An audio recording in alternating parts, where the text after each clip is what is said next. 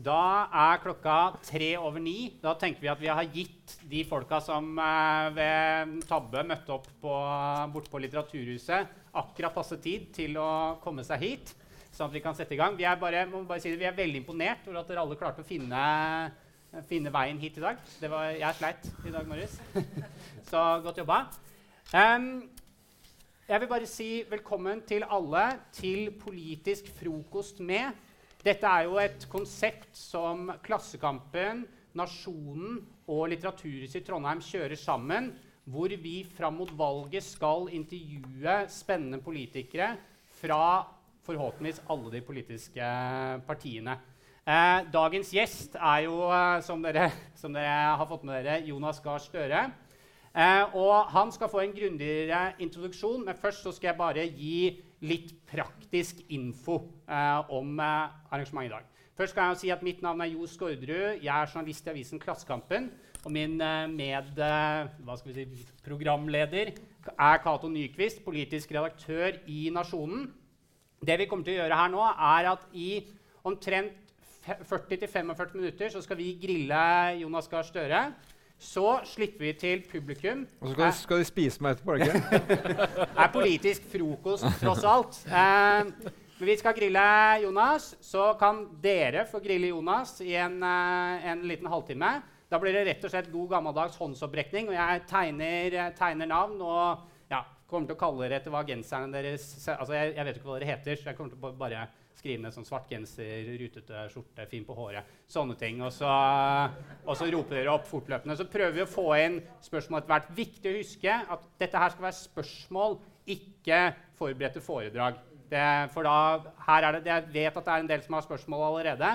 Det er viktig for meg og det er viktig for Jonas og alle sammen at vi kommer gjennom så mange som mulig. Så det.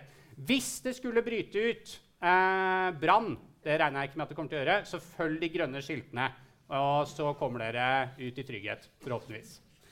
Ja, det var det. Og toaletter er den veien. Og der er det også muligheter for å få tegne tre uker gratis prøveabonnement på både Klassekampen og Nasjonen, og få med seg gratis avis hjem på veien.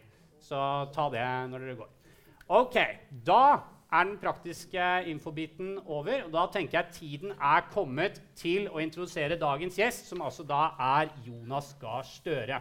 Jonas Gahr Støre er 58 år. Han er tidligere helseminister, han er tidligere utenriksminister, og han har ledet Arbeiderpartiet siden 2014. Og dette her er jo godt kjente fakta som jeg skamløst har plagiert fra Wikipedia. Men mindre kjent er det kanskje at Jonas Gahr Støre er en aktiv utøver av den indiske treningsformen yoga. Ikke bare driver han med yoga, han er også av den typen som eh, kommer og hvis du har litt sånn vond nakke, kommer med velmente råd om hvordan du kan strekke bort den eh, kinken i nakken og sånt. Og dette har jeg da fra utro tjenere internt i Arbeiderpartiet. Eh, men selv om han kanskje er en bokstavelig talt eh, myk mann, så er ikke det hele bildet. For som sjokkerte TV-seere av En kveld hos Kloppen nylig fikk vite, så er, var han altså litt av en slåsskjempe i sin ungdom. Og, eller barndom, da. La oss si barndom. Eh, og har altså eh, endte opp med å måtte bytte ut alle tennene i underkjeven fordi de fikk så hard medfart av all slåssingen han gjorde da han var barn. Så, så det er jo litt badass. Det må vi, må vi innrømme. Det for, forklarer kanskje hvorfor uh, Arbeiderpartiet nettopp uh, uh, gikk inn for, å, for gratis tannhelse. um, men da vet dere litt mer om Jonas, litt sånn det som ikke står på Wikipedia. Men da er vi også ferdig med kosepraten og må komme oss ned i materien. For ja, Jonas, vi har lyst til å starte med å snakke med deg om næringspolitikk. For Arbeiderpartiet har jo nettopp hatt landsmøte hvor nettopp næringspolitikk, hva vi skal leve av i framtida, var eh, et uh, veldig viktig tema. Eh, og Vi kan kanskje starte med det som fikk aller mest eh, oppmerksomhet, i hvert fall hos oss i media, og det var dette her med Lofoten, Vesterålen og Senja. Og kontroversen rundt det. For der har vi liksom, der har vi to versjoner. Hvis vi tar kjapt litt denne historien, da. Dere hadde dette kompromisset som dere var enige om, at deler av LoVC skulle vernes, eller skulle ikke konsekvensutredes, og deler skulle åpnes for konsekvensutredning. Og dette kompromisset det skulle stå seg i hvert fall ut denne stortingsperioden. Så, midt i eh, perioden, så bestemte eh, deler av partiet seg for å ta omkamp. Og nå har dere altså da endt opp med å si at ikke noe av LoVC skal konsekvensutredes. Dette har utløst vill eh, jubel og gledestårer blant AUF og oljemotstandere. Mens Jørn Eggum, for eksempel, leder i Fellesforbundet, sier at han er eh, jeg siterer, eh, jævlig skuffa. Trofaste Ap-tillitsvalgte i industrien har meldt seg ut i protest. Og så kommer nestlederen din i media på Dagsnytt 18 og på Politisk kvarter og sier at dette er, vedtaket egentlig ikke forandrer noe som helst. Og med dette bakteppet av sterke følelser og konflikt på landsmøtet, hva i all verden betydde det ikke noe? Så er det på tide at jeg uttaler meg, mener du? ja. ja. Er jeg på? Ja. Takk for invitasjonen uh, først. Uh, og jeg skal gå rett inn på det. Uh, vi fattet et veldig klokt vedtak på landsmøtet i Arbeiderpartiet. Og den politiske journalistikken blir ofte tett opp mot sportsjournalistikken om vinnere og tapere. Men det underkjenner hva et politisk verksted er. Hva et landsmøte er i et parti. Det er det øverste organet i vårt parti. Og det er der vi jobber fram politikk. Og, øh, så, vi, så, Du må gi meg litt tid til å forklare dette. Du skal få litt tid til å forklare. Ja, fordi eh, vi har hatt altså I min oppvekst, eh, da jeg var i tenårene, så var den store saken ja eller nei til oljevirksomhet nord for 60. breddegrad. Det er folk i generasjonen her som husker det, tror jeg. Og da var det på en måte et alfa og omega at nord for den breddegraden, som er omtrent utenfor Midt-Norge, da, eller sør for, for, Trondheim, men der, der kunne vi ikke gå, for der hadde vi ikke kompetanse til å drive. Nå har vi åpent Barentshavet. Jeg forhandla delelinje med Russland som gjorde det mulighet for å kartlegge ressursene eh, i, i, nord. Vi har gått skrittvis fram. Men vi har altså også unnlatt å engasjere oss på områder hvor det har vært sårbarhet i havet, og forvaltningsplaner har vist at vi ikke bør gjøre det. Og Ser du på det norske kartet over disse tildelinger, så er det farverikt av tildelinger sø fra sør mot nord. Og så er det en hvit vifte ut fra Lofoten-området, Vesterålen, Senja, hvor det ikke er. Og nord for det igjen er det aktivitet. Og Det skyldes jo selvfølgelig dette området særlig karakter knyttet til fisk, andre næringer, sårbarhet. Og Siden 2000 så har dette vært et, et spørsmål hvor man har ønsket å gå videre fra noen hold. Det ble stoppet i 2000 og aldri igangsatt. Vi hadde for første gang i vårt program i 2013 innen at vi åpnet for konsekvensutredning, som dere vet da ikke er aktivitet, men det er da å drive den undersøkelsen for å finne ut hva er det i disse områdene. Uh, det, uh, vi uh, vant ikke det valget. En ny regjering kom inn. Erna Solberg la det til side. Og engasjementet i folket rundt de havområdenes sårbarhet er voksende. Og det er en grunn til at i Arbeiderpartiet, også i nord Og vi tar alltid veldig utgangspunkt i hva mener eh, er, eh, de lokalpartiene som er tettest på, har vært en voksende skepsis til å drive aktivitet i disse områdene. Til nå, hvor omtrent samtlige kommunestyrer i dette området er mot. Og de tre fylkeslagene har vært skeptiske. Det skyldes to ting. Det ene er et grunnleggende sånn tema rundt ringvirkninger.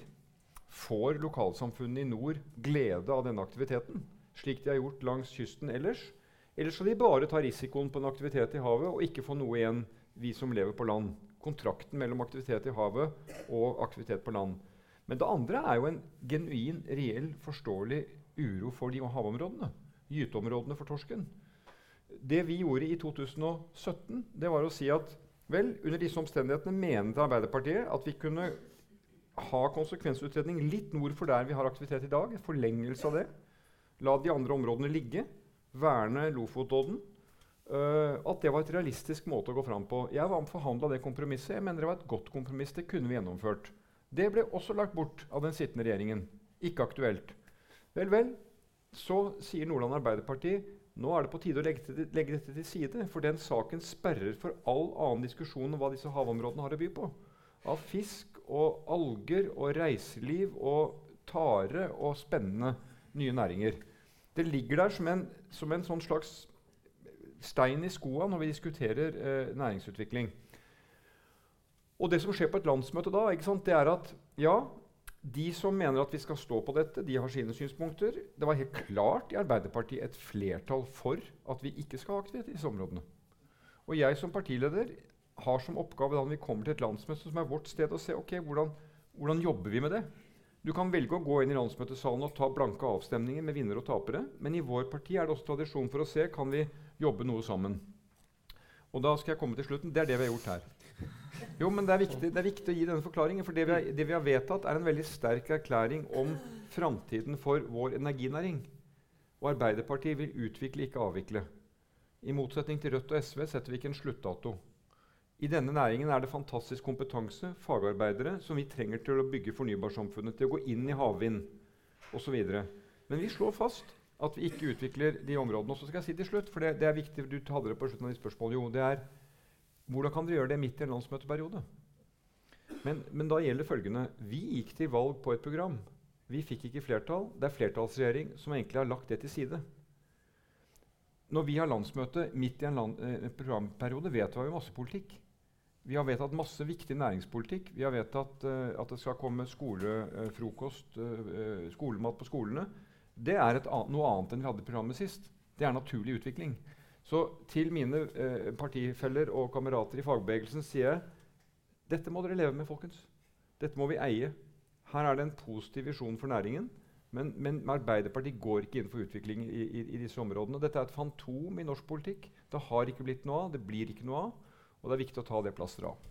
Ok, takk Jeg skal svare kortere, men dette var ja, men det, du, skal, men, altså, du, skal, svare kort, men jeg syns det er greit å gi deg Dette har vært et stort uh, tema, så jeg syns det er greit at du ja. får, fikk noen minutter nå til å få forklare det ordentlig. Men, men la oss eh, OK, dere står på det her. Men dette betyr jo eh, Vil mange mene Vil mange i industrien som du nå sier dette, dette skal vi eie Mange vil nå mene at det som har skjedd nå, ved at, denne, ved at dette LoVC er eh, lagt bort, så har man flytta frontene i debatten om oljenæringa. Dette har vært en buffer hvor mye, hvor, hvor mye av kampene har stått, og nå blir det nye fronter som åpnes. Uh, AUF, har for eksempel, som jo har vært drivende i LoVC, har for vært veldig klare på at de ønsker at noe skal gjøres med leterefusjonsordninga. Så hva, nå kommer jo de nye kampene, da. Ja, Men det er jo demokratiet.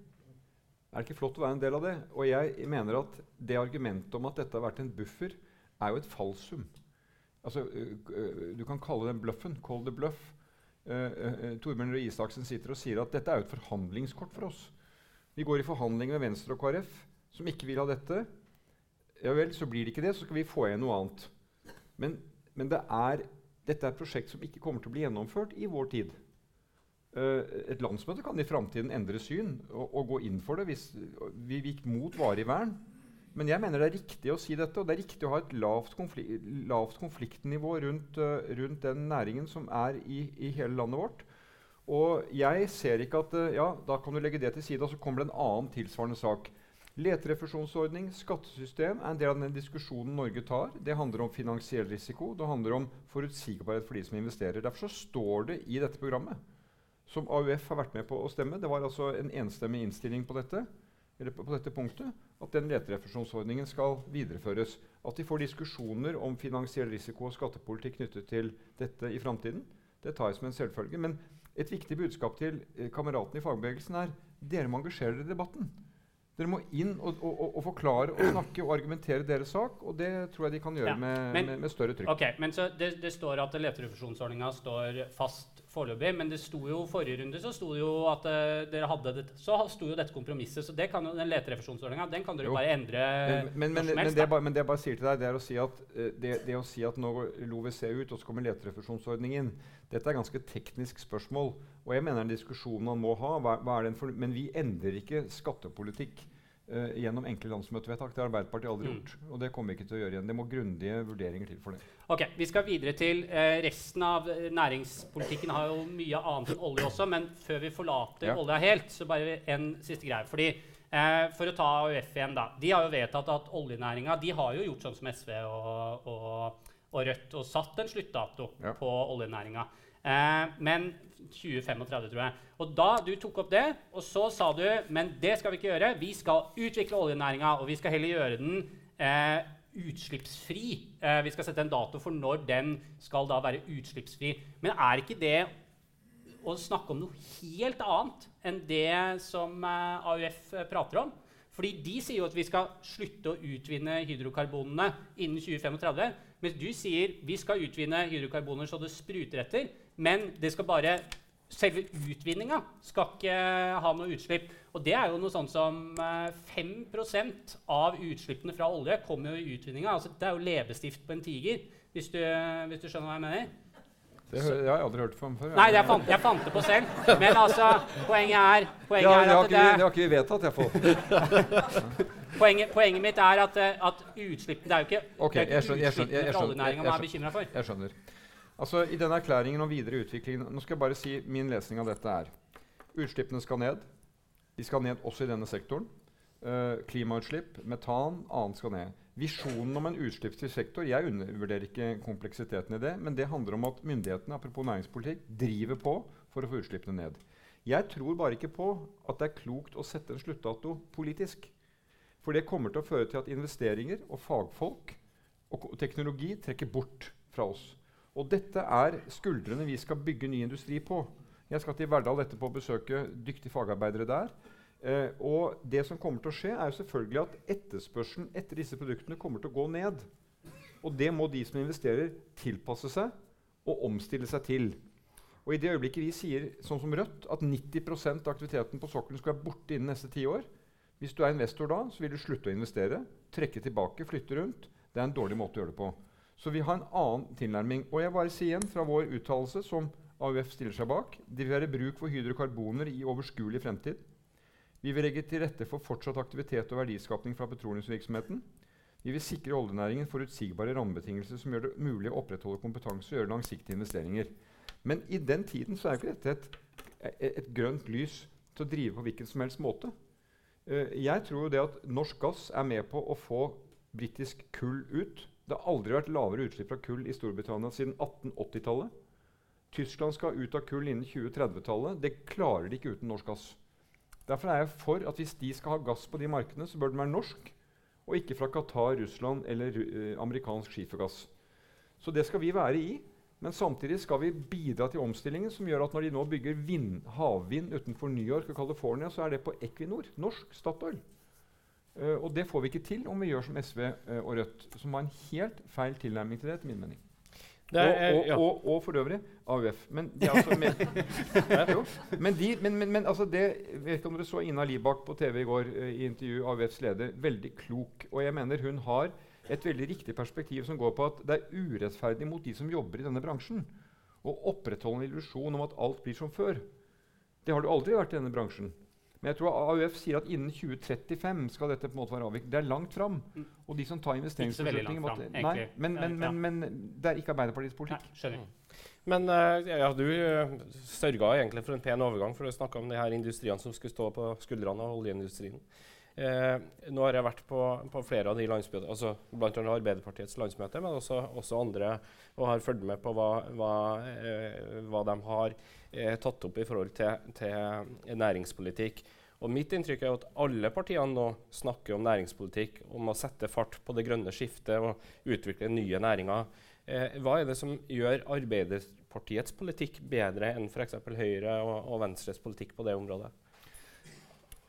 Altså jeg opplever jo at Arbeiderpartiet er industriparti uh, i hele vår historie. Uh, industri er teknologi, det er et syn på hvordan samfunnet utvikler seg, det er kultur. Uh, og industri skal også drives av politikk. Eh, industrien er blitt ganske liten i Norge. Grunnen til at den fortsatt har ordentlig kraft, er jo bl.a. leverandørindustrien til olje og gass. Så det å bare som, si at de 170 000-200 000 menneskene de, eh, altså de, er, de er en enorm ressurs for all annen industri. Og av, jeg, du husker jo På 1980-tallet så sa vi at råvareproduksjon det var lavbearbeiding. Vi bare pumpet opp og sendte ut. Men, men reis ut og se hva de får til av den teknologien. Hva som skjer i miljøene her i Trøndelag, Sintef osv. Fantastisk teknologi. Så jeg vil si at vår vilje til å legge politikk til rette for at industri utvikler seg, den er større og mer aktiv enn enn på høyresiden. Vi er opptatt av at markedet er en god tjener. Det er en ganske betenkelig herre. Politikken, demokratiet, må sette rammer. Og nå er det andre land som setter planer for sin industripolitikk, som setter mål på kompetanse, noen ganger sette i gang markeder, stimuleres oppstart av markeder. Det kan vi gjøre uten at vi skal gå over til å bli en sånn planøkonomi som plukker øh, enkeltbedrifter. Uh. Men vi kan ha en mye sterkere vilje. Vi kan ha en inspirasjon fra andre land som gjør det, og vi kan bygge på noe som er veldig norsk. Og der mener jo jeg da, Jeg har ikke vært på de landsmøtene du har vært på, uh, Cato, men, men, men, men, jo, men jeg har jo fulgt nøye med på det. Du har sikkert streama det, tenker jeg. Ja, det, Om ikke det, så iallfall uh, at, at du, i det SV og Senterpartiet har snakket om, og som vi snakker om, er det ganske mange fellesnevnere. Og etter å ha sittet i regjering med dem i åtte år, så tror jeg også vi kan finne ganske sterke fellesnevnere til en mer aktiv politikk enn du ser i dag. Altså, hvis jeg tolker det riktig, så er det en, et større statlig eller offentlig engasjement da, i, ja. i industripolitikken. Men tenk, hvordan, hvordan, ble energibransjen i gang i Norge? Uh, Arve Johnsen startet Statoil med en kronestykke i en sigareske. Det var jo oppstart av en næring vi ikke hadde noen forutsetninger for. Så hvordan kan staten i framtiden være mer fremoverlent på risikoavlastning? Ikke bare innenfor uh, nye uh, bærekraftige næringer til havs, men også innenfor skog, bioøkonomi hvor man kan være inne i, en, en, inne i en fase med eierskap som så eventuelt kan tones noe ned. Hvordan kan vi stille større krav til at kompetanse bygges også i andre uh, uh, næringer når vi bygger opp en, altså underleverandører osv. Når vi gir store støtter gjennom Enova til utvikling av miljøteknologi, hvordan kan vi sørge for at norske miljøer trekkes med i det? Jeg mener vi kan sette mye tydeligere ambisjoner rundt det. Jeg vil ha et hav verdiskapningsprogram for hav som kobler forskningsinstituttene, bedriftene og grunnforskningen sterkere med et mulig statlig engasjement på eiersiden. Eh, vi vil at Kongsberg Gruppen skal være et selskap som driver uh, fornuftig ute i markedet, men det er et selskap hvor staten har et, eh, et flertall og en ja. viktig teknologisk motor. Jeg bare, sto, jeg bare stopper deg der, for vi skal, vi skal, prate mer om det her. Men altså, jeg sitter og leser den der industri, grønn industriuttalelsen, eller framtidsretta industriuttalelsen deres. Og, og det, er jo, altså, det, er, det, er jo, ikke lite dere har her. Altså, det er, det er uh, karbonfangst og -lagring, som jo er uh, kjempe Krever enorme løft. Eh, det, dere vil forske fram hydrogen ved å bruke norsk gass. Det er havvind det det er, skogen. Altså, dette, her er jo, dette her er jo bransje f.eks. Hvis du tar skogsnæringa. Altså, hvis du prater med skogsnæringa, så vil de si at det mangler, det mangler teknologihuber, infrastruktur, broer. Altså, det må enorme løft til for å få det her på plass. Ja. Og det jeg lurer på, er på en måte Vil dere bruke da, disse milliardene som trengs for å ta disse investeringene? Eh, kan dere love at på en måte, de kommer til å følge de de fagre ordene, på en måte. Du, gjen, det, altså, du gjengir jo politikk. Jeg blir helt rørt når jeg hører det. Nei, men, altså, nei, men, ja, jeg, jeg, jeg, ser, det, det, er lett å vedta en uttalelse, ja, ja. men det, det greia at disse tingene krever løft fra staten, og de koster penger. Så uten, uten uh, ord uten handling blir litt uh, Nei, men, men, men, det er helt riktig. Og der er jo, uh, gjelder, Det gjelder å sette seg mål, og så må man selvfølgelig levere på dem. Om noe av dette handler om penger, ikke uviktig. Men vi må ikke gjøre det til en debatt hvor alt handler om det. Altså hvor Erna Solberg endte jo med å si at jeg vil bryte vanlige budsjettregler for å betale for en ny fregatt og et nytt regjeringskvartal. Nå har de tydeligvis lagt det til side. Men det er jo et svar som sier at for å gjøre noe nytt, så må vi bryte, bryte regler. Det handler jo også om hvordan vi prioriterer. Etter et landsmøte så har jeg en sånn linje jeg synes er litt morsom. Det er Høyre har et langsiktig mål om å avvikle formuesskatten. Arbeiderpartiet har et langsiktig mål om tannhelse til alle. Hvilket lag vil du være på? Altså Hvilke mål setter vi oss? Hvor skal vi hen? Uh, men innen de områdene du sier, så er det klart at fangst og lagring av CO2 Der har Norge for det første et stort og gunstig utgangspunkt gjennom sterke industrielle miljøer og forskning. Mye fra vår regjeringstid. Uh, det må vi lykkes med. To av tre eh, klimascenarioer sier at uten at vi klarer å fange og lagre CO2, så no, har vi ikke kjangs til å nå de målene vi har satt oss. Og der ligger Norge i, i, i en god posisjon. Det kan gi tusenvis av arbeidsplasser om vi lykkes med det. Og det kommer til å koste penger. det er ikke noe tvil om det. Nå må vi få i gang disse helindustrielle prosjektene som masse, ligger der. Masse milliarder. Det, ja, men, men, men, men, det må da gjøres fornuftig og over tid. Vi har jo f.eks. brukt uh, milliarder på en ny uh, modell for aluminiumsproduksjon på Karmøy. Uh, støttet gjennom Enova. 2-3 milliarder kroner. Det kom i denne regjeringen, Søknaden kom under vår. Det gjør det også mulig å si at Norge har den minst utslippsintense aluminiumsproduksjonen i verden. En fjerdedel, eller mye mindre enn det de har andre steder. Og Det er på den måten, i det samspillet, vi må gjøre mer av med andre, eh, i, i, andre næringer. Jeg har nevnt, eh, det kommer sikkert du inn på, trenæringen. Eh, vi har altså eh, opplest og vedtatt at det å bygge i heltre er bra for helsa, det er bra for klimaet. Og det bygges masse i heltre i Norge i dag, men trevirke kommer fra Østerrike eller Baltikum. Og det er greit for dem, men jeg mener vi har forutsetninger nok trevirke og hvor vi trenger en industriell oppstart av den næringen i deler av landet. Ja. Og så må de etter hvert klare seg selv, selvfølgelig, for vi lever i et åpent land. Ja, og det, det, skorter vel ikke på vilje i skognæringa, tror jeg. Men det, det skorter på, er jo på, er, er investeringer og, og, og, risikokapital, som du har vært inne på. Og, og Arbeiderpartiet har jo tidligere bidratt med å sette av 500 eh, millioner til, til skognæringa i en sånn tiltakspakke. De pengene ble i stor grad stående urørt fordi det var så høye ja. avkastningskrav. Ja. Og, og, Arbeiderpartiet har også vært opptatt av det her med, med næringsnøytralitet. altså at du, at du, ikke kan på en måte diskriminere eh, næringa. Du må ha, ha samme type eh, ordninger for, for alle.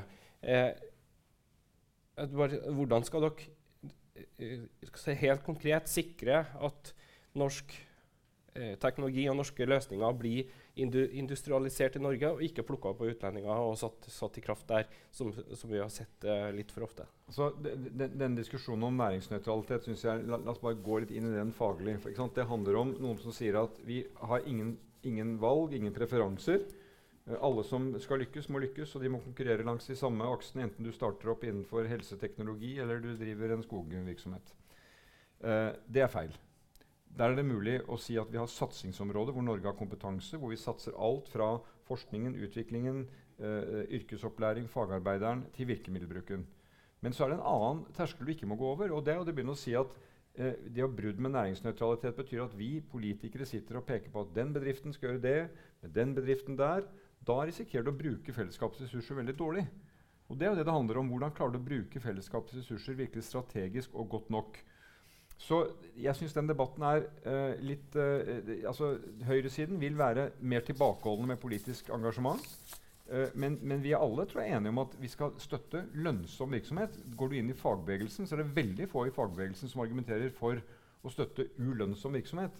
Og noe av det flotte med den norske modellen, som jeg er redd for med denne regjeringen, det er at i fagbevegelsen så, så sier de at hvis noe er ulønnsomt, så må det slutte. Men da kan noe annet starte, fordi folk får være med videre på den reisen. fordi folk får kompetanse. Men det å begynne å si at vi skal, vi skal drive med virksomhet som ikke blir etterspurt, ikke blir solgt, det er, det er, det er, dit må vi ikke komme. Da tror jeg vi tar et lite sånn temaskifte. Vi har uh, brukt tida på, på næringspolitikk. Veldig opptatt av næringspolitikken. Men jeg er veldig glad for at du sier det. for den, den, den teksten vi har vedtatt på landsmøtet om næringspolitikk, og om olje- og energipolitikk og husk på det, Jeg liker ikke å snakke om at Norge lever i oljealderen. Vi lever i energialderen. Vi må trekke linjen fra vannkraft helt opp til i dag. Vi sluttet ikke med vannkraft da vi begynte med olje. Og vi sluttet ikke med olje når vi går over til gass. Og vi kommer til å ha gass fortsatt når vi går over nå til vind. Så det er de lange linjene, og jeg mener at det Gå inn på nettet og last det ned. Men, da, men nå, slutter vi, nå, slutter vi, å snakke om energi, ja. og så snakker vi om kommunevalg, f.eks. Ja, det er et valg til høsten. eh, var jo som sagt på stedet på landsmøtet deres i helga, og, og, der ble det sagt at Arbeiderpartiet skulle vinne valget. Eh, I forrige gang det var, var kommunevalg, så oppnådde dere 33 eh, av, eh, av velgerne. Eh, på målinga nå så ligger dere og vaker litt sånn ja, 25-26 ja. siste måneden. Ja. Hva, hva, hvordan definerer du en, en valgseier i, til høsten? Du har helt rett i det at det er ikke mulig å si å vinne ett valg. Det skal finnes det 350 eh, kommunevalg, også noen fylkesvalg, så vi kommer opp i 380 eller noe sånt nå. Så det er mange. Men jeg vil som partileder aldri sette et tall. Med, det har noen gjort før meg. Med, det var ikke ubetinga suksess, kanskje? Ja, med, bland, med blanda hell. Men jeg sier det på en annen måte, som er ikke noe mindre ambisiøs. Jeg sier at alle de stedene vi stilte opp og gjorde et bra valg og vant ordfører sist, skal vi slåss for å vinne dem igjen. Og vi skal stille opp alle andre steder med sikte på å få størst mulig gjennomslag. Og så har jeg sagt at vi vant tre av fire store byer. Denne, Bergen og Oslo. Vi har ambisjoner om å beholde dem. Og vi har ambisjoner om å vinne Stavanger sammen med partnere. Det er ambisjonene våre. Uh, så opptatt av de store byene. Så Når jeg kommer fra Nasjonen, så er jeg jo så opptatt av de, Ja, de mindre kommunene. Men jeg, jeg, jeg måtte si det før du begynner å snakke om alt det andre. Men? Det er de store byene, men jeg er også opptatt av Sarpsborg og Fredrikstad og Arendal og Bodø og Tromsø. Det er liksom store byer, men litt mindre i Norge. Og alle de andre kommunene. Men du vet, ikke sant? kommunevalget eh, det, det viktigste vi vedtok på dette landsmøtet, var masse politikk som er relevant for kommunene. Det vi snakket om nå, er ikke så direkte for kommunene, men det er velferdspolitikken. Det som er nærmest oss, det som er viktigst i folks liv, det avgjøres på kommunenivå. Og det er veldig sjelden at Arbeiderpartiet er i posisjon til å avgjøre det selv, men vi er i samarbeid med andre partier. Og Derfor så er det jo en opplest sannhet hos oss at du må gjøre et godt valg, men du må begynne å jobbe med dine partnere i god tid. Det kan du ikke begynne med valgnatta. Du må drikke kaffe godt i fortid. Ja, det er artig at du kommer inn på det, for det er jo flere i ditt parti som har sagt at dere bør lære mer av Senterpartiet. Eh, det kan være interessant å høre hva Jeg har sett to. Holder for oss. men, men, hvordan er dine forventninger til et samarbeid med Senterpartiet i, i kommunene og regionene? Altså her i Trøndelag for eksempel, så, så ligger det an til en, en, kamp mellom Arbeiderpartiet og Senterpartiet om uh, fylkesordførervervet. Og, og, i mange kommuner rundt så er jo nettopp Arbeiderpartiets kandidat og, og Senterpartiets ja. kandidat hovedmotstandere. Så det, det, det, står om det blir det, det ene eller det andre. Men, men, dette er jo det fantastisk flotte med Norge. da, tenker jeg og med lokaldemokratiet vårt at det varierer. Eh, fordi de samarbeidskonstellasjonene det har litt med eh, historie å gjøre, det har litt med personer å gjøre. Hvem finner kjemien, og hvem finner sammen til å lage flertall. Eh, og Senterpartiet og Arbeiderpartiet er jo de viktigste ordførerpartiene i Norge, hvis du legger dem sammen. Så veldig mange steder er de jo i samarbeid, og samarbeider godt. Og noen steder så er de konkurrenter. Og jeg pleier å si Trygve og jeg vi sier at vi er konkurrenter, ikke motstandere. Men i noen steder er man også motstander. Og det syns jeg er en ærlig sak lokalt. Her i Trøndelag er jo opp, og det er jo sterke, sterke fylker for begge partier. Så syns jeg det er spennende at, at, Senterpartiet holder åpent for å gå til høyresida eh, på fylket eller på regionen. Det mener jeg er en ting som velgerne bør følge godt med på. Det gjør de jo i alle fylker, bortsett fra ett nå. Ja, men det må de jo da på en måte Det, det budskapet må jo velgerne ta med seg. Er det ett fett? Eh, hvordan det er? Uh, fordi at det er noe med ikke sant, Kommunen er én ting. Ja, hva syns du? Si? Nei, altså Jeg har respekt for at man tar lokale valg. Og, og våre, mitt parti er i, veldig, også i veldig ulike familier. Men vi er jo i hovedsak uh, i samarbeid med rød-grønn side, og noen ganger med sentrum. Med, med KrF og Venstre. Uh, så det er det jeg ønsker å se. Men Stanley ja. Virak, som styrer i Sandnes, som er Norges sjuende største by, han gjør det med støtte fra Frp. Og Det er en veldig uvanlig modell, men det er den modellen som har ført til veldig mye bra politikk også i Sandnes. Og det er hans valg. Ja, jeg tenker at En av de uh, hovedsatsingsområdene deres da, det er kampen mot privatisering ja. uh, ute i, uh, i kommunal sektor. Ja. Da. Og, og, da har det vel en betydning hvorvidt Senterpartiet samarbeider med med høyrepartiene eller med Arbeiderpartiet? Det er helt riktig. Og, og i mange sånne sammenhenger vil vi være enige. Uh, jeg tror f.eks. andre områder er vi kanskje ikke så enige. Uh, ser du på barnehagedekningen i Stjørdal, privat-offentlig, så tror jeg det er en 60-70% private barnehager. Og det begynner å skje en utvikling nå hvor kommunene ikke kan røre de private, men de må kutte ned de offentlige. Det er en utvikling ikke jeg liker. Altså At det offentlige tilbudet innenfor grunnleggende velferdstjenester blir utsatt, mens private får uh, forsikringer og ordninger som ikke de andre får. Dette er politiske valg som må fram i en valgkamp. Men, men samtidig så hadde vi hatt full barnehagedekning på det tidspunktet vi hadde uten, uten ja. uh, de private barnehagene. Jeg er veldig for at de private barnehagene altså de har vært med på det løftet. Og vi har en kombinasjon av private, ideelle og offentlige. Uh, men det må ikke bli slik, sånn som du ser nå under denne regjeringen, at de åpner opp for private tilbydere som får tilgang til offentlig finansiering Uh, og for å finansiere det så må du bygge ned det offentlige. Og Det ser du på skoler mange steder. ikke sant? Du åpner en privatskole, eh, tar elever ut av offentlig skolen, finansieres av offentlige budsjetter, og så kan den offentlige skolen komme i en situasjon hvor den ikke har nok og må legge ned. Mens du, ikke, mens du må inngå kontrakt med den private, og da kan du ikke bryte kontrakt. Så her er det en, her er det en stille skyving av grenser som, som, jeg mener ikke er bra. Vi skal ha et hovedansvar offentlig for utvikling av velferdstjenester i Norge. Men Betyr det at dere forplikter dere til å fordi den, eh, den, eh, Du snakker om med barnehagene her, som du ikke kan si opp kontrakten. Det er jo barnehageloven. Betyr det at dere kommer til å endre barnehageloven slik at det blir mulig å si opp kontrakten med de 3000 private barnehagene Nei, vi har i det, Norge i dag? Ja, vi skal ha, ha, et ordentlig ryddig forhold til dem. Og kontrakter skal man respektere. Jeg bare sier at dette, dette er valg du tar i en kommune som får betydning. Og én ting er en privat barnehage. Uh, jeg har hatt barna mine i uh, forskjellige typer barnehager, og nå har jeg barnebarn som har vært i en privat barnehage i Oslo. Den er helt utmerket etter mine øyne. Uh, en, en, familiebarnehage som drives og går rundt. Men det som skjer, og som vi må følge med på, er at store kjeder kommer inn kjøper opp barnehager, kjøper opp eldreomsorg. Ja, Og har evigvarende konsesjon pga. at barnehageloven ja. sier at hvis du først har fått konsesjonen, så, så, kan du ikke si den opp med mindre de slår barna eller gjør et eller annet sånn eh, helt eh, Ja, men, ja. Men, men, men, det sier bare at det offentlige må være her oppmerksom på at videre ut, at da vi kom til, vi kom til uh, Oslo i 2015 og fikk flertall der, så var det forbud mot å starte kommunale barnehager. Forbud. Uh, det fikk vi opphevet, og nå bygges det kommunale barnehager. Og, og, hvem er det som tar barn med spesielle behov? Det er jo, uh, veldig ofte som blir jo det den offentlige barnehagen. Mm. Jeg, jeg, bare tenkte ja. et, et, et, En av de valgkampløftene som dere også og som du nevnte tidligere i dag, det her med gratis skolemat. Eh, F.eks. her i Trondheim da, så vil jo da Rita Ottervik og Arbeiderpartiet gå til valg for å innføre eh, gratis skolemat i, i, i, i skolen.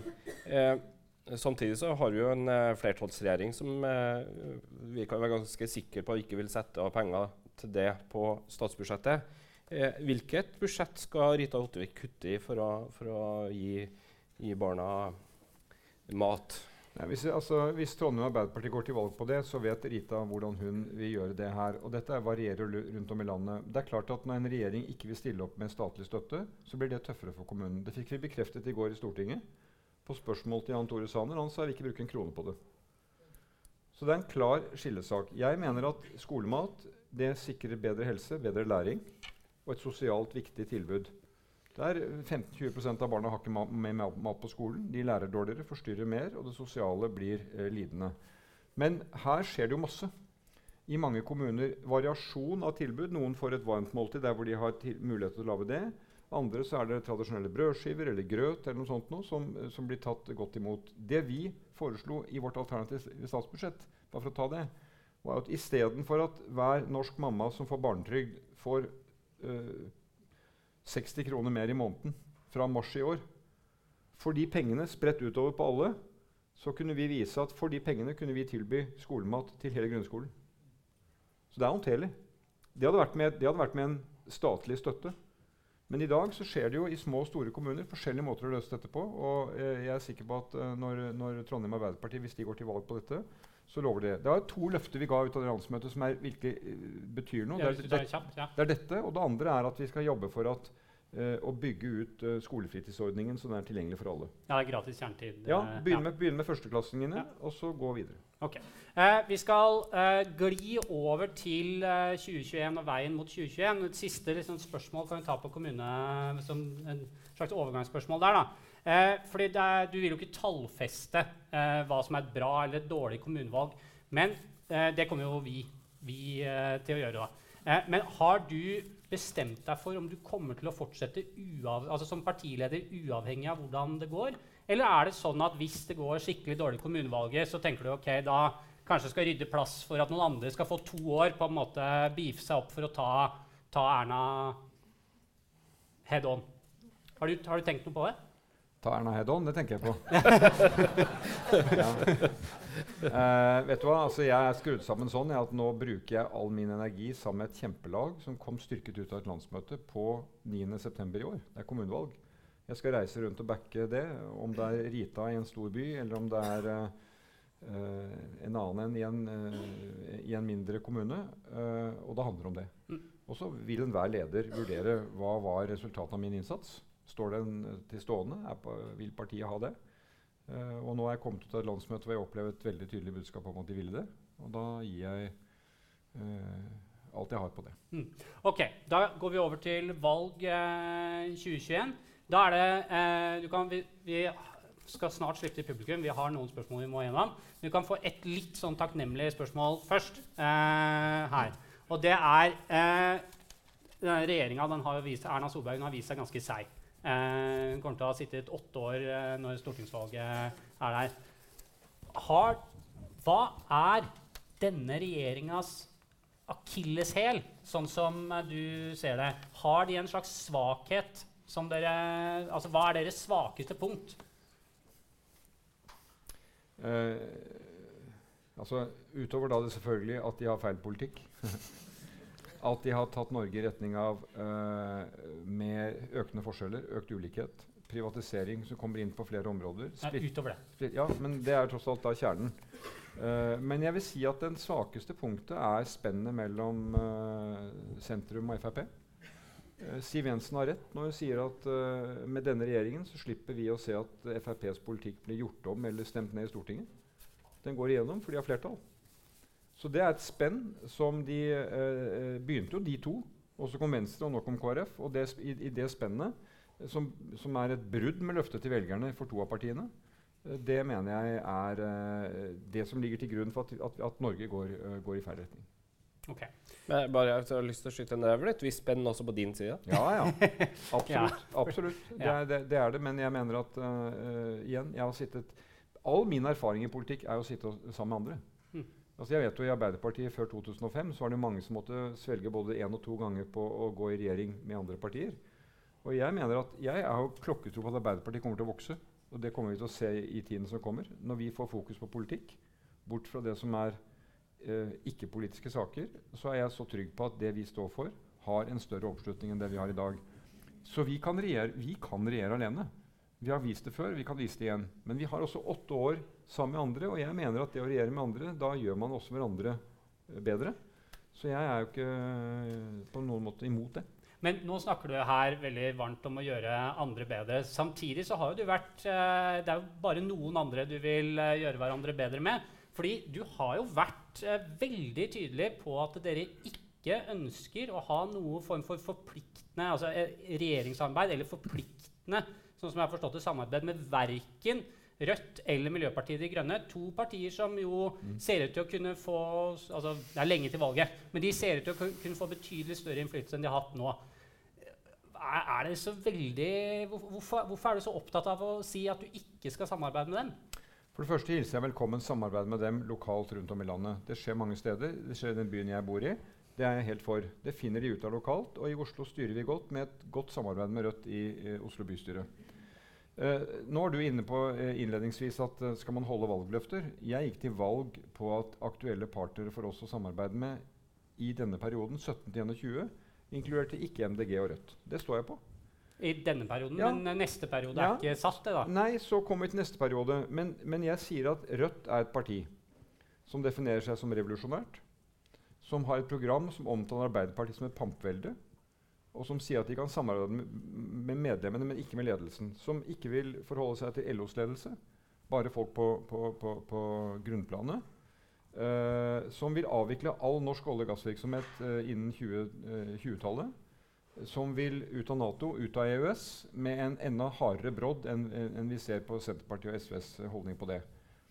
Da mener jeg det er ærlig å si at for oss å gå i regjering med et sånt parti, det er ikke Jeg ser, ser ikke det for meg. Så vet jeg at Rødt jobber med sitt prinsipprogram. Kanskje endrer de på det, men det må bygges over tid. Så der er jeg i dag. Men jeg er for samarbeid og finne praktiske løsninger. Eh, eh, Bjørnar Moxnes og jeg vi stemmer for mange av de samme tingene i Stortinget. Noen ganger så danner vi flere. Vi fikk, vi fikk ned innleie. Okay, okay, ja. Så vi kan gjøre mer på det. Men husk på at i Stortinget til forskjell fra kommuner så driver du med utenrikspolitikk, du driver med landets statsbudsjett, og du driver med sikkerhetspolitikk. Uh, og da mener jeg det er en ærlig sak å si at uh, den avstanden er for stor. Altså, så det handler ikke bare om at dere er såra av vondbrotene for at dere blir kalt for pamper Overhodet overhoved ikke. Altså, jeg jeg, jeg, jeg, jeg syns ikke det er riktig å omtale andre på denne måten. Men jeg tar programmet deres på alvor. Og Sett deg ned og les det. Vi må jo forholde oss til det. Ok, men hvis vi tar det, Vi skal over til dem dere vil eh, samarbeide med. Men bare, bare for gi oss Altså, Én ting er Rødt. Nå ramser du opp liksom avstanden. Men hva med, hva med liksom Miljøpartiet De Grønne? De Nei. er jo, ha- de er Ja. harmløse som kaniner. Nei, det skal jeg ikke si. Men altså, de er jo veldig De er jo ikke revolusjonære. da. Nei, det Eh, I hvert kan- fall i så fall eh, og, og, og også der mener jeg at vi har sett et uh, skifte i denne stortingsperioden med de M uh, MDG har hatt på Stortinget, har vært mye mer samarbeidsorienterte politikere enn i forrige periode. Du vet, Det å bygge uh, grunnlag for et regjeringssamarbeid må du bygge over tid. Du må bygge tillit, du må kjenne hverandre.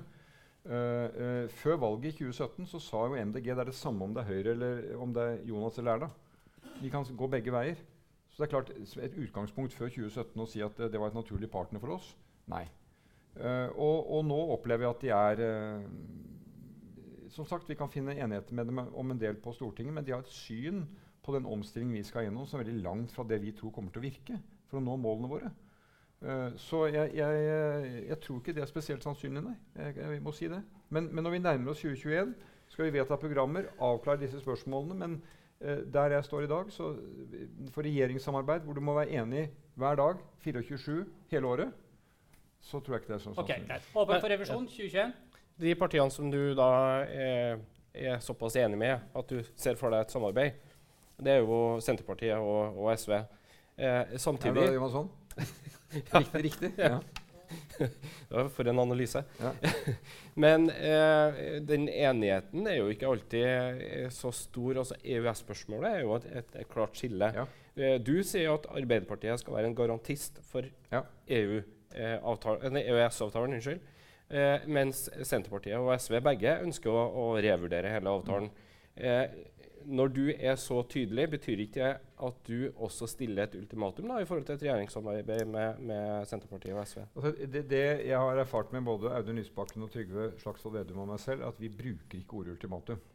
Det er sånn starten på diskusjonen. Men dere mener det? Men det, er, det, jo, jo, men, men, men, men det, er, det, har noe med en holdning til en forhandling å gjøre. Men jeg kan si det helt klart. Arbeiderpartiet kommer ikke til å være en regjering eh, som ikke bygger på EØS-avtalen. Selv hvis det da skal vise seg at eh, Senterpartiet og SV samla er større enn Arbeiderpartiet, sånn som det kan, ja, jeg, kan jeg, være en mulighet for? Jeg, jeg, sitter bare her i dag og sier at det er vår holdning. Og det er et bredt flertall i Stortinget for at den avtalen sikrer Norge, norske arbeidsplasser, norsk velferd, norsk sikkerhetspolitikk rammer. Det setter ikke vi i spill. Jeg er for den avtalen. Den kan forbedres, den kan videreutvikles. Uh, uh, I dag blir det stemt over i Stortinget om vi skal da utrede et alternativ. Det får uh, SV og Senterpartiet stemmer, og Rødt går jeg ut fra. Ikke våre. Fordi at jeg, jeg, har vært utenriksminister hele tiden, og jeg har vært med å forhandle den avtalen i sin tid.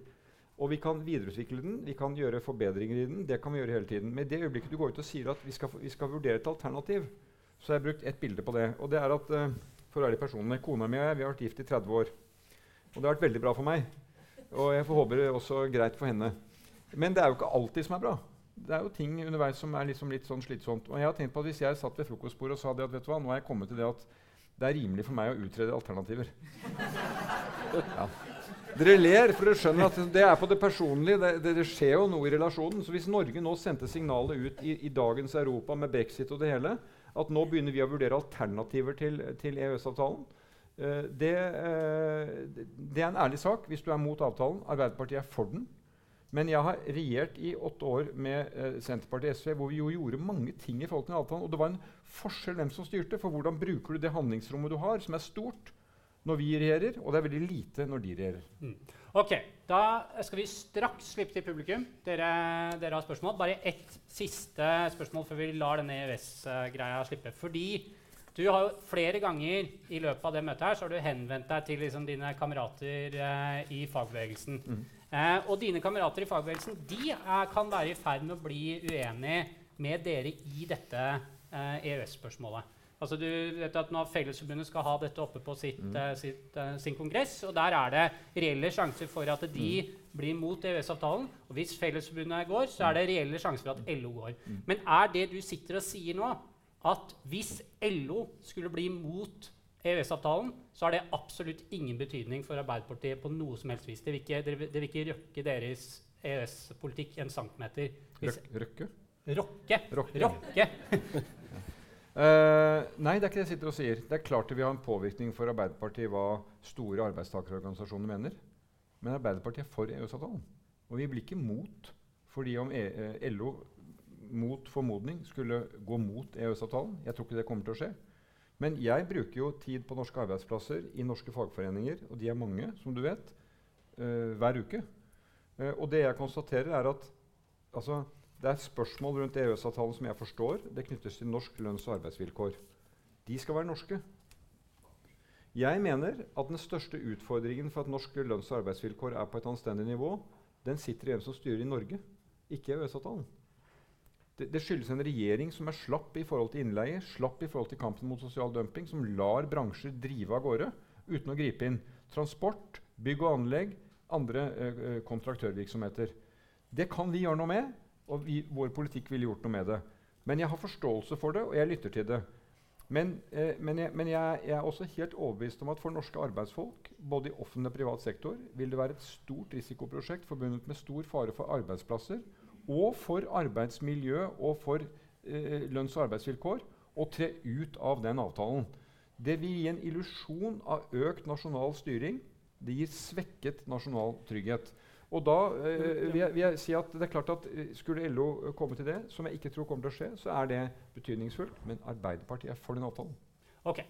Dette er store temaer. Vi kunne diskutert dem lenge. Men, det, men, vår tid her i dag er ute, for nå er det publikum sin tur til å stille spørsmål. Eh, hvem kan de som har spørsmål, bare slenge hånda i været med en gang? Skal vi se en, en Passe på Oi. ok. Da sier jeg igjen pass på å holde spørsmålet korte. Det var eh, Bak der så var det noen som avtalte med meg i forkant at de skulle få lov til å stille spørsmål, for de har forberedt det i god tid før. og sånt nå. Skal vi se Mørkt hår kaller jeg deg. Jeg skal ikke kalle deg så, um, Og så eh, rund, grønn greie på T-skjorte. Eh, dere må bare ta, være rause med disse uhøytidelige navnene. Skal vi se Kvinne første rad. Um, og rød hatt. Uh, langt hår. Um, frisert hår. Uh, og så bakerste rad. Jeg beklager deg. Det er bare Ja, og uh, Skal vi se, hva kaller jeg grå genser, heter du? Skal vi samle noen spørsmål, kanskje? Ja, jeg lurer på Jeg ser allerede at dette, vi har såpass mange spørsmål at vi må ta to Fint. og to spørsmål om gangen. Rett og slett, Har vi en mikrofon i lokalet? Ja, vi har en mikrofon bak der. Um, da tar vi rett og slett og starter med spørsmåla bakerst der. Det var to spørsmål baki der. Start med de to. Vær så god. Navnet mitt er uh, Gemmecho. Kommer til Inn-Norge 2002. 2002 til sammen bodde i Norge 17 år papirløs. Konsekvenser Litt vanskelig ord til meg. Rettferdig og human. Vi, vi er mennesker i limbo. Papirløs asylsøker som har bodd lenge til i Norge. UDI kan ikke rutinere til hjemlandet vårt og vi følger i Norge har mer enn nok strengt asylpolitikk. Eller det nye ordet konsekvent asylpolitikk som dere bruker nå. Vi papirløse lever uten helserettighet, arbeidstillatelse og uten rett til å bo sammen med, våres, uh, med familien vår. For eksempel jeg har tre barn, og kona og barna mitt har norsk statsborgerskap. Men, men jeg får ikke å bo sammen med dem. UDI ønsker å splitte familien min, og det er mange familier i samme situasjon i, Norge. Vi har eldre papirløse i mennesker i limbo. F.eks. Maza, 65 år gammel, kommer fra Eritrea. Han er, han er her. Altså. Og har bodd i Norge for åtte år. Mohammed, 62 år gammel, fra Iran, og har bodd i Norge for 16 år. Han er, han er der. Og mange unge kvinner og mann i vanskelig situasjon langt unna sin familie. For oss er alt har streng, urettferdig og inhuman. Vi har to spørsmål. Hvis Arbeiderpartiet vil gjøre asylpolitikken human og rettferdig, hva er deres plan for oss papirløse? Skal rettferdighet og humanitet ikke gjelde for oss uten rettigheter? Hvorfor ikke starte med oss? Vær så god. Skal vi ta ett første? ja? Nei, de, ja, var, de var to. Det, var, to, ja. ja. Uh, definisjonen på papirløse uh, asylsøkere, sånn som det er brukt i Norge, er hvis du har uh, fått avslag, eller hvis du kommer til Norge uten mulighet til å identifisere deg selv. Ja, da er du ikke en del av det norske systemet. Det er sånn det er. Hvis det er avslag Nå må jeg uttale meg på prinsipielt grunnlag. Jeg har respekt for at dere er i en situasjon som ikke jeg kjenner, og kan ikke kommentere den. Hvis det er avslag på søknad om asyl, så er det uh, retur som gjelder. Den bør være frivillig, og i, og i, de tilfellene hvor ikke det går, så må man finne løsninger eventuelt gjennom returavtaler. Uh, og uh, så er det jo uh, slik at den norske stat har valgt, og det er sånn det må være med en konsekvent politikk, at hvis du ikke har papirer, ikke kan identifisere deg, og har fått avslag, så, så har du ikke rettigheter etter de det regelverket velferdsstaten har. Så vet jeg at humanitære organisasjoner har ulike tilbud om helsehjelp og annet. Eh, og jeg forstår at situasjonen er vanskelig for, for enkeltmennesker, men den konsekvensen må det være. Når det gjelder vår politikk, så har vi på dette landsmøtet vedtatt et opplegg som jeg mener samler partiet godt, og som er i tråd med våre prinsipper. De er bygget på internasjonale avtaler. Asylretten. Fremskrittspartiet vil avvikle asylretten. Vi er for asylretten. Men vi retter søkelys på hva vi best kan gjøre som nasjon for å bidra til mennesker som er på flukt. Uh, og den politikken den, den uh, mener jeg er oppdatert og god, uh, og vi kan samles om den. Da har vi neste spørsmål. Vær så god. Ja, Navnet mitt er Karin Enodd, og jeg har jobba mest med eh, hele mitt yrkesaktive liv med likestilling og, og arbeidslivsspørsmål. og jeg må si det at det var jo greit at man kom innpå det på, helt på slutten. Uh, her nå, det, det, Alle spørsmål som ble stilt, var både viktige og interessante. Men jeg tror at uh, uh, ofte så legger man ikke merke til de små, små, men mange små ødeleggelser, kaller jeg det, i, i norsk arbeidsliv. Og også uthuling av den norske modellen. Så mitt spørsmål til Jonas det er at at jeg regner med at det her vil få plass i valgkampen, både lokalt altså Det er det jo vi. Jeg er jo aktiv her i Trondheim, altså, så jeg skal jo være med og bidra med mitt. Men også når vi sentralt at vi påpeker hva som skjer med norsk arbeidsliv. Fordi at eh, altså, det er stadig flere som er selvstendig næringsdrivende, som helt klart har en ansattfunksjon. Um, vi har uh, um, i hvert fall de siste 15 åra kjørt kampanjer og, satt, og brukt in, in, in, incitamenter for å få folk over, særlig kvinner, i heltidsstilling. Det har vist seg veldig vanskelig. Og det er ikke bare arbeidstakerne det står på. Det, det står på arbeidsgivere. Og at vi holder denne barnehagedekninga oppe. sånn at jeg er veldig opptatt av å få noen kommentarer på det. Fordi ja. at uh, jeg, det, det, det skjer så smått. Skjønner. For hver enkelt. Og det skal, du, det skal, du, få. Men først så skal vi ha spørsmål fra kvinnen i rød hatt bak deg. Du, du, sparer opp spørsmål ja, ja, ja, og passer på at du Hva het du? Karin. Karin. Bra.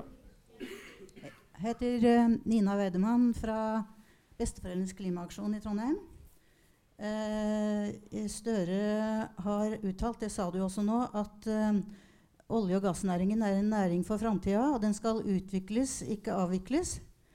Eh, da har jeg eh, egentlig tre spørsmål i utgangspunktet, men når det gjelder eh, leterefusjonsordning og sånt, så, så, du, så sa du noe om det, og jeg oppfatter det sånn at du er på glid i det spørsmålet. Men når det gjelder uh, uh, utdeling av nye letekonsesjoner på, på sokkelen gjennom 23. og 24. konsesjonsrunde, så vil jeg gjerne på, høre om du kan stå på det når det viser seg at alle klimarapporter viser at det ikke fins rom for utvinning av nye kull- og olje- og gassfelt dersom menneskehetens resterende karbonbudsjett skal overholdes. Eh, de verste konsekvensene av klimaendringene ikke vil inntreffe innenfor den nåværende valgperioden. Men vi risikerer å utløse katastrofale klimaendringer innenfor våre barns levetid. Det har jo barn og unge skjønt. Uh, og at den uh, uh, energipolitikken som Norge fører, den er faktisk med på å sabotere konsensusen som Parisavtalen bygger på. Eh, det var det ene. Altså hva med konsesjonsutdelingene? Skal de bare fortsette? Eh, eller skal de stoppes? Mm. Eh, det andre gjelder eh, norsk eh, velferdssamfunn. Eh, Jeg tror det, det, det eh, Et av de sterkeste argumentene for å fortsette på sokkelen som vi gjør, det er at den, eh, det vil gå til helvete med den norske velferdssamfunnet hvis vi ikke fortsetter. Men da lurer jeg på om altså Vi må huske på at Norge var et velferdssamfunn også før oljealderen. Uh, og at uh, den, kan, den kan fortsette med det etterpå også. Og vi ser at de andre nordiske landene har utmerkede velferdssamfunn uh, uten olje. Så Gidder du bare ta det siste ja, jeg skal ta det siste spørsmålet til, eh, til eh, Støre. Er om du mener at den norske velferden er avhengig av eh, at vi fortsetter med oljepolitikken som vi gjør nå. Utmerket. Tusen takk skal du ha. Da eh, Neste spørsmålsstiller blir eh, Herman med briller og langt hår der.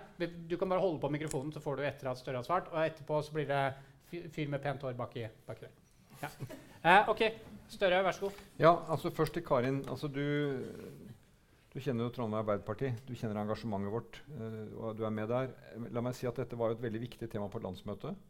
Å gå inn i denne tematikken med heltid-deltid eh, og orden i arbeidslivet. Og eh, Dette er et stort spørsmål. Nå har vi kort tid, men la meg bare si at det trengs veldig målrettet, hardtarbeidende politikk lokalt med dette. Jeg bruker jo ofte uh, Ingrid ute i Malvik som eksempel ung ordfører som har sagt at jeg skal jobbe hver eneste uke med å se at denne prosenten kommer opp på uh, fulltidsstillinger. Vi hadde en film som jeg la inn i min landsmøtetale på landsmøtet over en jente som jobber i helse og omsorg i Malvik kommune, som har begynt med 14% kontrakter. Og så har hun etter hvert kommet seg opp på det at hun nå har en heltidsstilling. Eh, slipper å være tilkallingsvakt, får lån i banken, kan begynne å leve et ordentlig liv. Det som uroer meg, det er at vi har en regjering som snakker ned dette temaet. Jeg har jo sagt at jeg er urolig for et arbeidsmarked hvor migrasjon og innleie florerer. Det har Anniken Hauglie sagt er løgn. Men det jeg mener med det, det er jo at det er jo midlertidighet i et litt utvidet forstand, nemlig den situasjonen arbeidsfolk møter. Uh, og da er det riktig at regjeringens forslag og lovvedtak om midlertidige ansettelser har ikke økt én type midlertidighet uh, i, i statistikken. Og en av grunnene til det, det er at store arbeidsgivere som Trondheim kommune, Oslo kommune, Skien kommune ikke ansetter midlertidig. De holder igjen fordi de har et annet politisk synspunkt. Men det andre poenget er jo det at der ute i arbeidsmarkedet skjer det i mange bransjer nå, ikke bare i bygg og anlegg, men også inn i helsesektoren. Det du sier, at folk ansettes på helt håpløse kontrakter. Eh, de blir selvstendig næringsdrivende som er inne og ute og med veldig dårlig sikkerhet. Det går jo en stor rettssak nå som du vet, i Aleris, med eller mot Aleris om hva statusen for dette er. Så jeg kan love deg dette er en prioritert sak for oss, og det berører et voksende del av arbeidsmarkedet som vi må ta tak i. Og her tror jeg også fagbevegelsen har en stor utfordring og mulighet, fordi deler av arbeidsmarkedet vår er i utvikling. Og der alle de stedene hvor du får lav organisasjonsgrad, lite fagbevegelse i stedet, så faller arbeidsfolks rettigheter. Det er jo en historisk lov, nærmest. Så eh, eh, barnehager, SFO, disse offentlige velferdstilbudene som gjør det mulig å kombinere familie med arbeid, trygghet for begge, helt sentralt for oss. Bra du tok opp det. Og så til Nina. Eh, eh, jeg, jeg heier jo på besteforeldrenes klimaaksjon. Jeg er bestefar selv, så jeg anser selv at jeg er, eh, driver politikken min for Albert og snart en til, for å si det sånn. Eh, det jeg sa om leterefusjon, det var at det er en ordning vi har sagt at vi står ved. Den bidrar til at små selskaper er med på å gjøre eh, bedre eh, funn. Altså at vi får kartlagt hvilke ressurser vi har, hvilke vi kan utvikle. Eh, og, og jeg mener den har tjent oss vel, og den er, den er, den er det klokt eh, å ha. Eh, så må vi hele tiden vurdere skatteregimet underveis. Nye konsesjoner, vel konsesjoner som er gitt, de eh, skal stå. Men nest kommende konsesjonsrunder må jo ta hensyn til hva som er eh, både Norges klimamål, hva som er ressursgrunnlaget. Vi kommer jo aldri til å komme dit at alt som ligger under norsk sokkel, blir hentet ut og utviklet. Og jeg er helt enig i det som IEA og andre sier at så mye må bli liggende under bakken for at vi skal nå målene våre. Men jeg vil minne om en ting som bare er viktig selv etter et landsmøte som vi har hatt. Det er å si det. Klimakampen for å redde kloden, den, den, den, den skal vi delta i og levere på våre forpliktelser. Men våre forpliktelser er så viktige totalt sett i forhold til Kina, USA, India, Indonesia, Brasil. Så det er jo tre måter Norge kan påvirke klimakampen på. Det ene er det vi gjør hjemme, og det snakker vi mest om. Totalt sett er det kanskje det som har den minst betydningen for utslippssituasjonen. Det neste er hvordan norsk teknologi kan påvirke store løsninger ute. Norsk havvind kan bli det de velger seg i Japan, i USA. Folk bor jo langs kysten nå. Det kan få enorme konsekvenser. Og det tredje er de internasjonale initiativene Norge tar, som regnskogsatsingen som kanskje er det viktigste klimatiltaket i nyere tid globalt, som utgangspunkt i et norsk initiativ. Vi må gjøre alle tre tingene. Norsk politikk, teknologi og klima. Men vi kan ikke bare føre den diskusjonen som at det handler om bare det vi gjør i Norge, og at i, hvis vi fortsetter å selge gass til Europa, så, så er det liksom da går kloden under. Jeg tror faktisk at norsk gass til Europa bidrar til at vi når ja. målene, men vi må lykkes også på de andre områdene. Eh, Veldig bra at du svarer ordentlig på spørsmål uh, fra salen. Eh, men vi har altså seks ja. spørsmål igjen. Kortere. Så jeg må bare be eh, publikum og Støre om å, om å, være jeg skal ikke si korte, men i hvert fall konsise. konsise. Konsise er et fint ord. Vær så god. Ja, først må jeg bare si Jeg heter Dag Øyvind Antonsen. Jeg kommer fra en organisasjon som heter Mental Helse. Og jeg er litt opptatt av helse i videre forstand. Og jeg vil si det at Først så vil jeg si det at vi trenger ikke være redd for at folk uh, avslører at uh, den politikken som har vært ført hittil, uh, er ikke noe videre å gå videre med. For, men det som er viktig, er jo å Hold på god informasjon, sånn at de ikke legger unna informasjon. Jeg får beskjed om at det, vi har noen sånn tidsrammer, så du må, du må, nesten stille spørsmålet. Jeg beklager. Men da er det sånn at jeg ønsker å uh, sette fokus på det som jeg kaller for brukermedvirkning innenfor helse. Uh, det er så, sånn at det er lovpålagt i enkelte situasjoner. Og etter, etter hvert så blir det veldig mange situasjoner. Men når folk begynner å snakke om hva kan vi hente ut av brukermedvirkning, så det, virker det som at det blir sånn blir begrensa. For at det brukeres medvirkning det er, handler om de stemmene som aldri har blitt sagt eller hørt. Det, det er momentene som aldri har blitt sagt før. Og det håper jeg at du kan si noe om, om du forstår det eller ikke. Og så har jeg lyst til å si et spørsmål til i forhold til med energi. Eh, utvikling, er det ikke naturlig å tenke at en energiproduksjon gjøres nærmest mulig der den brukes? For det, det er det muligheter for. Det er faktisk eh, teknologi allerede, og det syns jeg eh, at Norge kan være med på å utvikle videre. Tusen takk skal du ha. Der. Takk. Hei, eh, jeg heter Torkil, kommer fra Astud. Um, da jeg var på immatrikulering som ny student på Gløshaugen her i 2012, så sa, snakket Kristin Halvorsen varmt om kunnskapssamfunnet og eh, sa at vi var en del av løsningen. Eh, men mange av medstudentene mine kan ikke flytte hjem ved endt utdanning. Det fins ikke jobber for folk med høyere utdanning. Hvordan passer distriktene inn i ideen om kunnskapssamfunnet? Unnskyld, hvordan passer Distriktene. Distriktene. Ja, distriktene. Godt spørsmål, vil jeg si. Ja. Uh, uh, siden det er lite tid Brukermedvirkning, uh, bare som tidligere helseminister, er jo oppskriften på god behandling. så jeg vil bare si at det må være det politiske budskapet at brukermedvirkning skal søkes så langt det er mulig, omforent med de som jobber i helsesektoren. Uh, så det er mitt svar på det. Og så Når det gjelder kunnskap og distriktene, det er jo utrolig viktig. Dette har også med politikk å gjøre. da, Hvordan vi utvikler norske næringer. Og Det som jeg legger til grunn, er jo at det å få til det industriløftet, nye arbeidsplasser i Norge, må være knyttet i utgangspunkt til våre naturressurser, som er unike. Alt det kommer til å kreve kunnskap for å kunne løfte seg. Både i den teknologiske kunnskapen og i måten vi forvalter og fordeler på. Så det, dette handler jo om de målene vi setter, og disse ressursene fins jo i distriktene. Og, og, det er der jeg mener at uh, Arbeiderpartiets tradisjonelle og veldig hevdvunne posisjon om by og land som skal gjøre hverandre gode At vi skal ikke få by til å vinne over land eller land til å vinne over by. Det er når de to trekker sammen at vi lykkes. Uh, og da er jo vårt mål at uh, folk vil flytte tilbake uh, hvis de har reist ut. flytter tilbake og kan bruke kompetansen sin. Men det er jo en stor utfordring i sentraliseringens tid. Altså Vi har nå fantastiske muligheter i Nord-Norge, Nordland og nordover. Men befolkningsutviklingen står helt stille fra tilbake igjen på 80-tallet. Ingen, ingen, ingen, økning. Så, så behovet for folk kommer til å øke i disse områdene hvor vi har naturressursene. Og så må vi gjøre alt vi kan for å legge til rette for at kompetansen skal brukes. Det vi ikke har snakket om i dag, er jo det Du er nyutdannet, men hvordan folk gjennom livet får påfyll med kompetanse. Det kommer til å bli den store kompetanseutfordringen vår.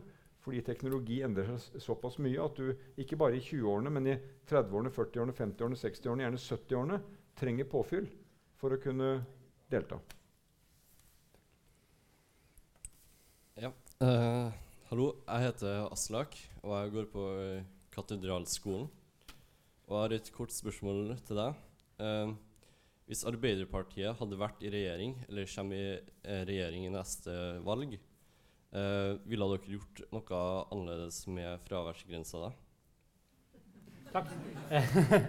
og så eh, kan grå genser ja, Grå genser står der hos meg. Er det noen som kjenner seg igjen i det bildet? Der er den. Ja, du er, du er krøllete hår. Eh, grå genser der. Um, du snakket i starten om uh, at, eller tidligere at en ikke går inn med et ultimatum inn i regjeringssamarbeid.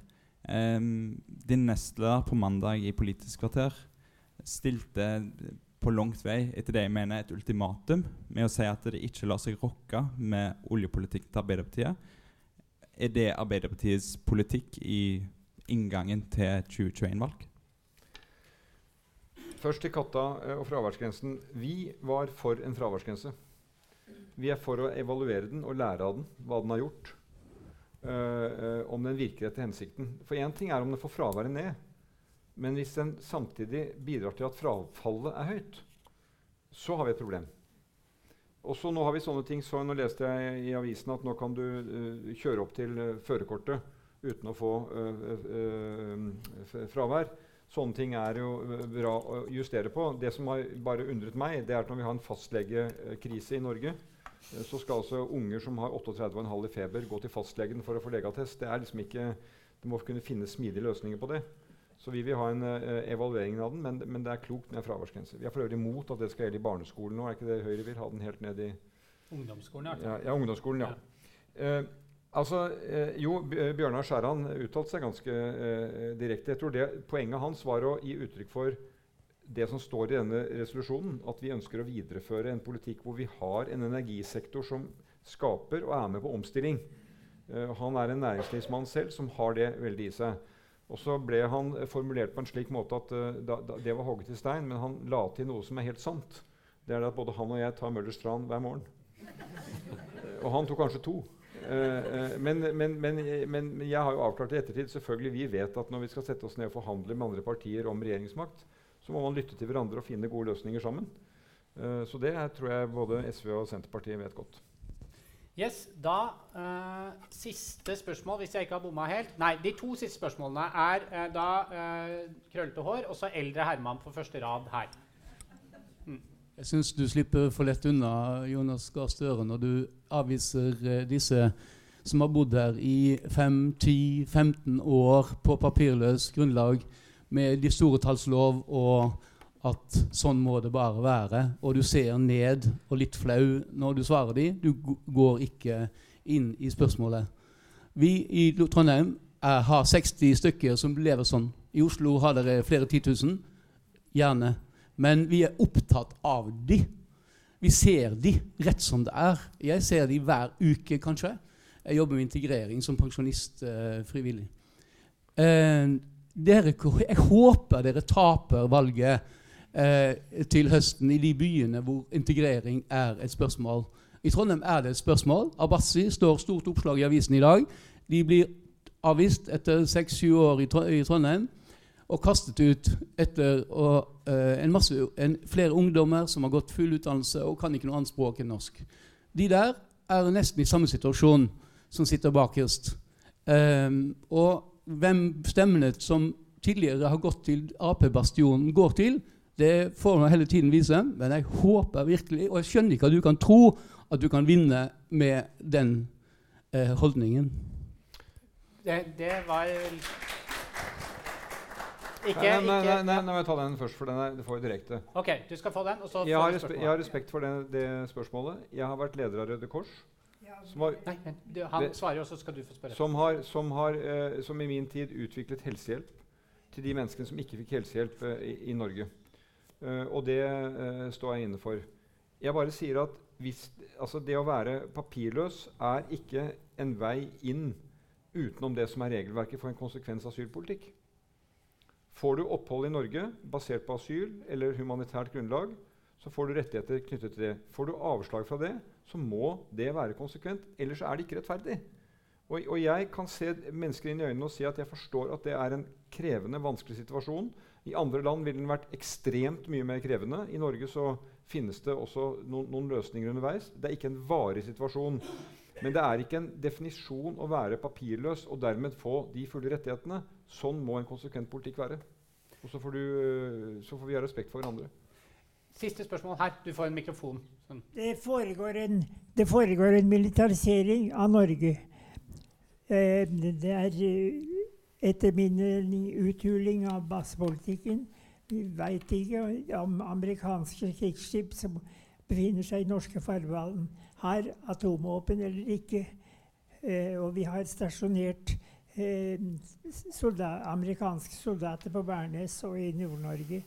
Eh, og de later som det er noe slags utskifting sånn, for å mildne den eh, virkningen av dette her.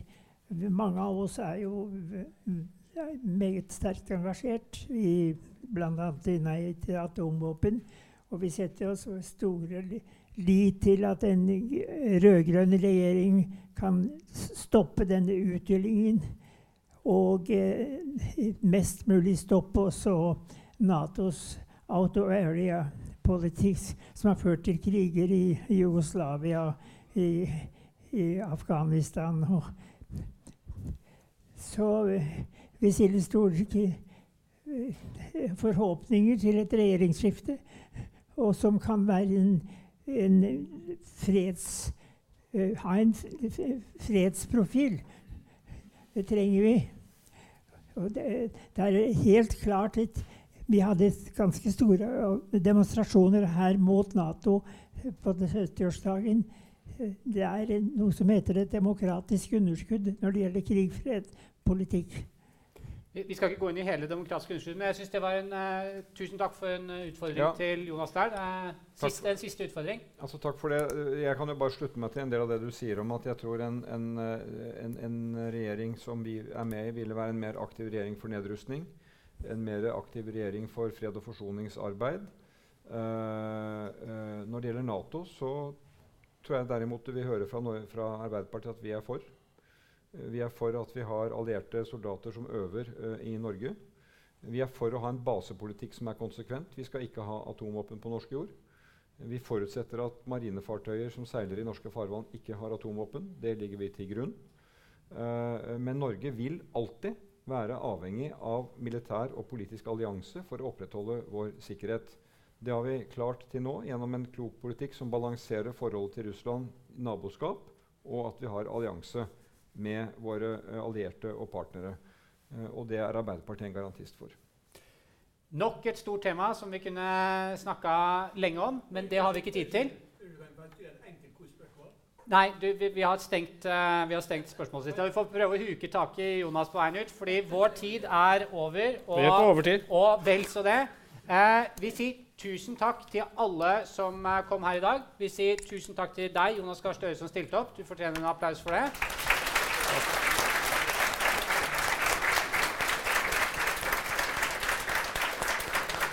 Og så bare si tusen takk. Vi, vi slutter aldri å, å la oss overraske over hvor mange av dere som faktisk stiller opp på disse frokostmøtene. Det syns vi er utrolig hyggelig. Eh, følg med på Litteraturhuset sine hjemmesider for å se hvor de, når de neste møtene er. Og ikke glem å ta med dere gratis avis og kanskje prøve avisa i tre uker. Enten Klassekampen eller Nasjonen på veien ut. Det er mulig å ta med seg smørbrød også. Og smørbrød. Takk for nå.